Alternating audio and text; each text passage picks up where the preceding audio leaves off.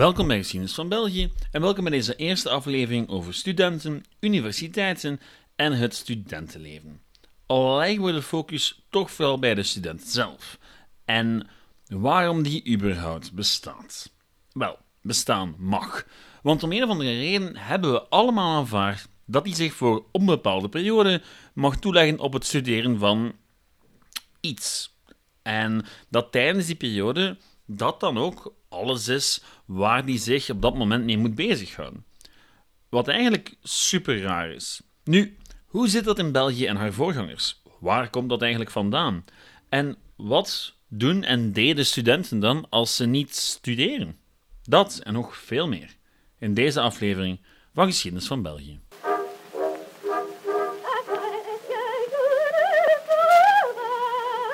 We hebben het vandaag en ook volgende week over studenten uit het hoger onderwijs. Voor lager en secundair onderwijs zal je moeten wachten tot een latere reeks. Vandaag bekijken we hoe en waarom min of meer volwassen mannen en vrouwen, die in theorie perfect capabel zouden moeten zijn om aan de slag te gaan, enkele jaren uitstel krijgen van het echte leven. Want laten we eerlijk zijn, het is eigenlijk een heel vreemd concept. Mensen die volgens maatschappelijke normen net volwassen en dus nuttig geworden zijn, de kans geven om enkele jaren lang aan de zijlijn te gaan staan. En andere volwassenen aanmanen om die jongeren dan weer les te geven. En toch bestaan instellingen voor hoger onderwijs al millennia. Of het nu de Academie van Plato is, de Bibliotheek van Alexandrië, het boeddhistische klooster van Nalanda, de Confucische school in Han China of de madrasas van Eswituna en El Khorariyin, excuseer voor die uitspraak, ja, het bestaat al superlang. Maar misschien brengen religieuze scholen in Marokko en Tunesië ons net iets te ver van het hedendaags Belgisch grondgebied om echt relevant te zijn voor deze podcast. Al deze plekken hebben twee zaken gemeen die lang, heel lang zouden gelden voor elke vorm van hoger onderwijs. Ook in de lage landen. Hoger onderwijs was, per definitie, voor de rijken. Rijke mannen. Al zijn er natuurlijk wel wat nuances. In veel gevallen was er soms sprake van beurzen. En af en toe waren er vrouwen die deel uitmaakten van die prestigieuze academies. Maar het zijn uitzonderingen. En wat die vrouwen betreft, hun afkomst was nooit gewoontjes. Want wie zich met het verwerven van kennis wou bezighouden, die had daar in de eerste plaats tijd voor nodig. En daar geldt zo hetzelfde als voor de Atheense democratie. Uh, een recht is allemaal goed en wel, maar als je de tijd er niet aan kan besteden, dan zou het evengoed niet kunnen bestaan. En tijd is kostbaar. Want als jij jouw tijd niet besteedt om je dagelijks brood binnen te halen, en te dat je kan eten en een dak boven het hoofd hebt, wel, dan moet iemand anders dat voor jou doen. Dus dat zorgt ervoor dat studeren heel lang een nogal elitaire bezigheid was.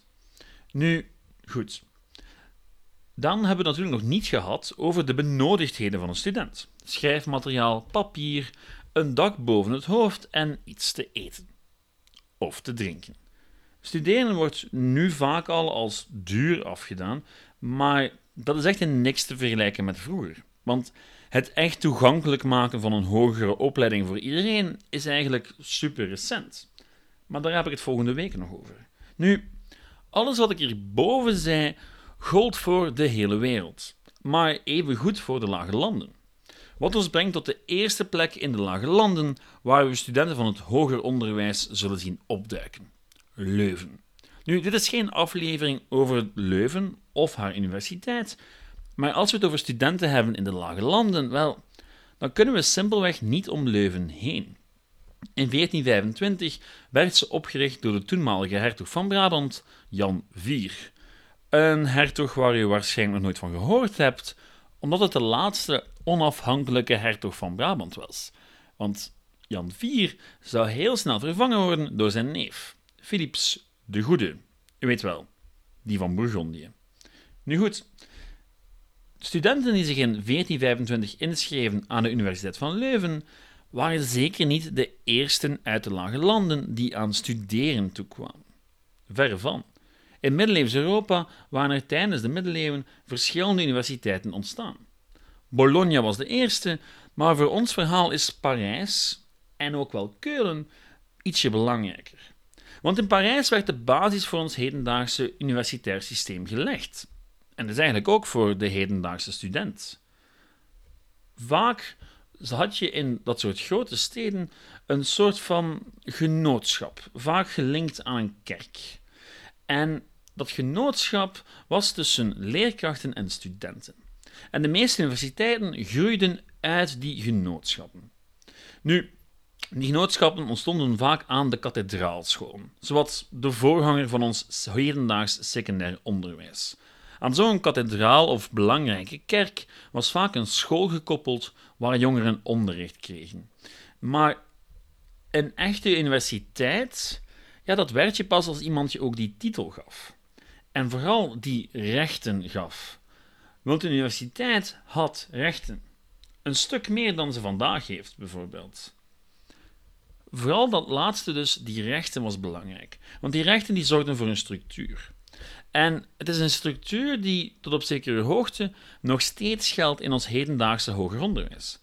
Denk maar aan woorden als de master, de bachelor, faculteiten, rectoren, doctorandi enzovoort. Dat zijn allemaal zaken die het licht zagen in het Parijs van de 13e eeuw.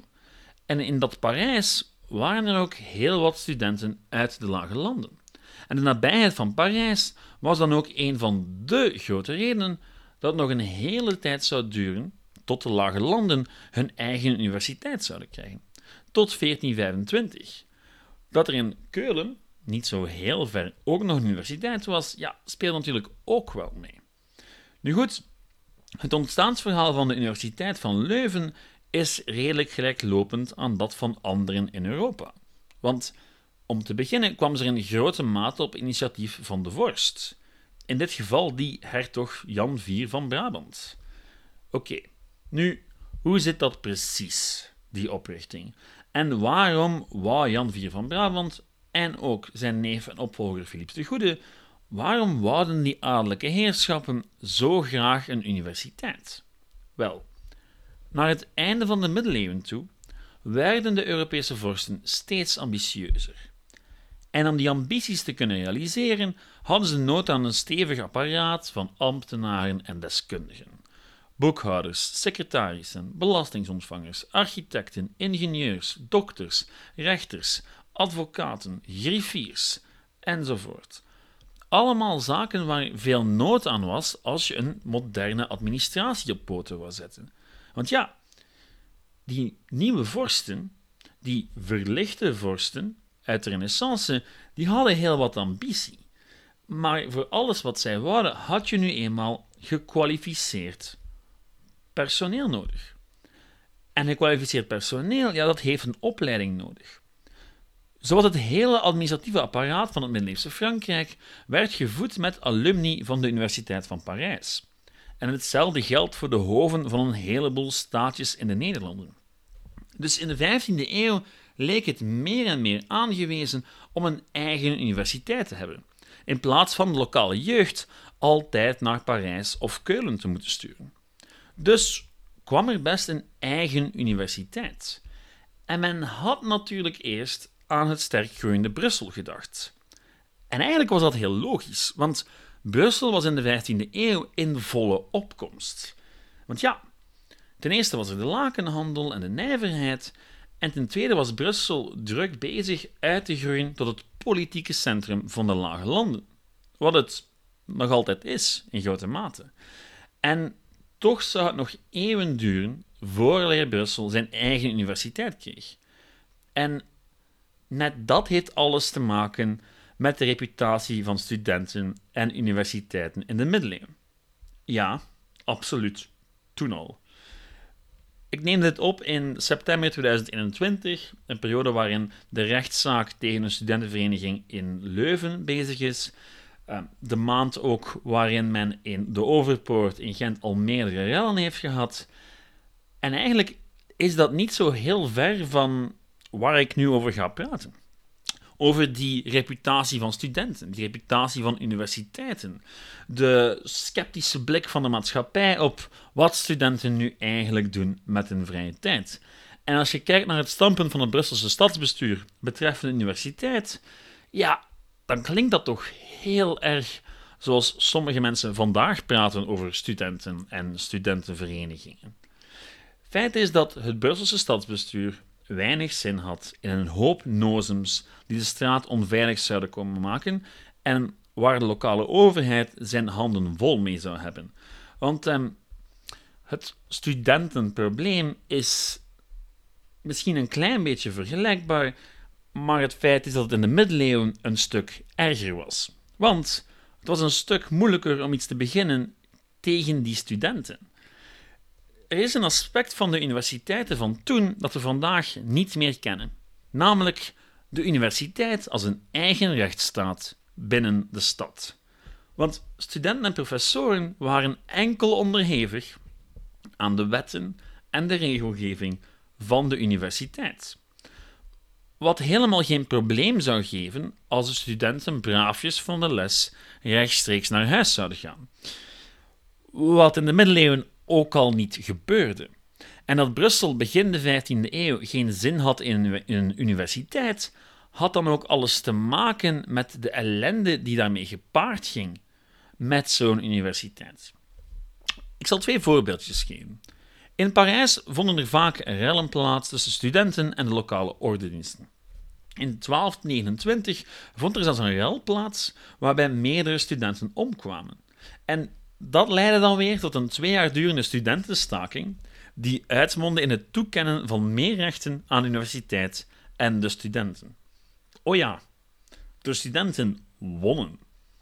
Want vergis je niet, zo'n studentenstaking die kon echt wel pijn doen. Want al die studentjes, en zeker in Parijs, die brachten geld met zich mee. Geld dat ze uitschaven aan boeken, bijlessen en alle mogelijke vormen van vertier. En als die studenten plots hun biezen pakten, ja, dan was de stad plots een heleboel inkomsten kwijt. En in het middeleeuwse Parijs hadden de studenten een, heel, een hele stadswijk voor zich. Le Quartier Latin, zo genoemd omdat die studenten daar als universele taal het Latijns gebruikten. Dus die belangrijke economische rol zorgde ervoor dat middeleeuwse studenten een soort van onaantastbaarheid hadden. Daarbovenop vielen ze ook letterlijk buiten het stedelijk recht. En ja, dat maakte ze dan ook onuitstaanbaar voor de lokale bevolking. Een ander mooi voorbeeld van de overlast dat is de Scholastica Day Riot. En dat was een rel die plaatsvond op 10 februari 1355 in Oxford. Jawel, dat Oxford. In een van de lokale tavernes waren twee studenten niet bepaald tevreden over de kwaliteit van hun wijn. En toen ze daarover begonnen te klagen bij de waard, mondde dat uit in een ware vechtpartij, waarbij de hele taverne kort en klein geslagen werd. En daar had het misschien bij kunnen blijven, maar ja, plots verloor de stad alle controle. En wat volgde waren drie dagen van gevechten, waarbij uiteindelijk 30 burgers en 63 leden van de universiteit hun leven verloren. Ehm, dat is een extreem voorbeeld, maar eigenlijk niet zo heel uitzonderlijk. Weet u misschien hoe de Universiteit van Cambridge ontstaan is? Um, wel, er was ooit eens een rel met studenten en toen hebben de burgers van Oxford twee studenten gelyncht. En omdat studenten en proffen daar zo boos over waren, is een deel gewoon weggetrokken naar Cambridge, waar ze betere voorwaarden konden krijgen van de stad. Um, het grappige aan heel het akkefietje is dat voor bijna 500 jaar na de feiten uh, de, de stadselite van Oxford verplicht was om een mis bij te wonen in de universiteit als boetedoening. Uh, om maar te zeggen dat die geschiedenis van de moeilijke relatie tussen stad en universiteit in Oxford heel, heel oud is. Maar goed, vaak bleken de voordelen uiteindelijk toch aantrekkelijker dan de nadelen. En daar zijn zowel Oxford als Cambridge een bewijs van. Het zijn mooie, interessante steden, maar steden die ja, zonder hun universiteit niet bijster boeiend zouden zijn. De studenten brachten geld mee, overheden hadden nood aan goed opgeleide ambtenaren en een universiteit gaf een stad een status die ze anders helemaal niet hebben zou.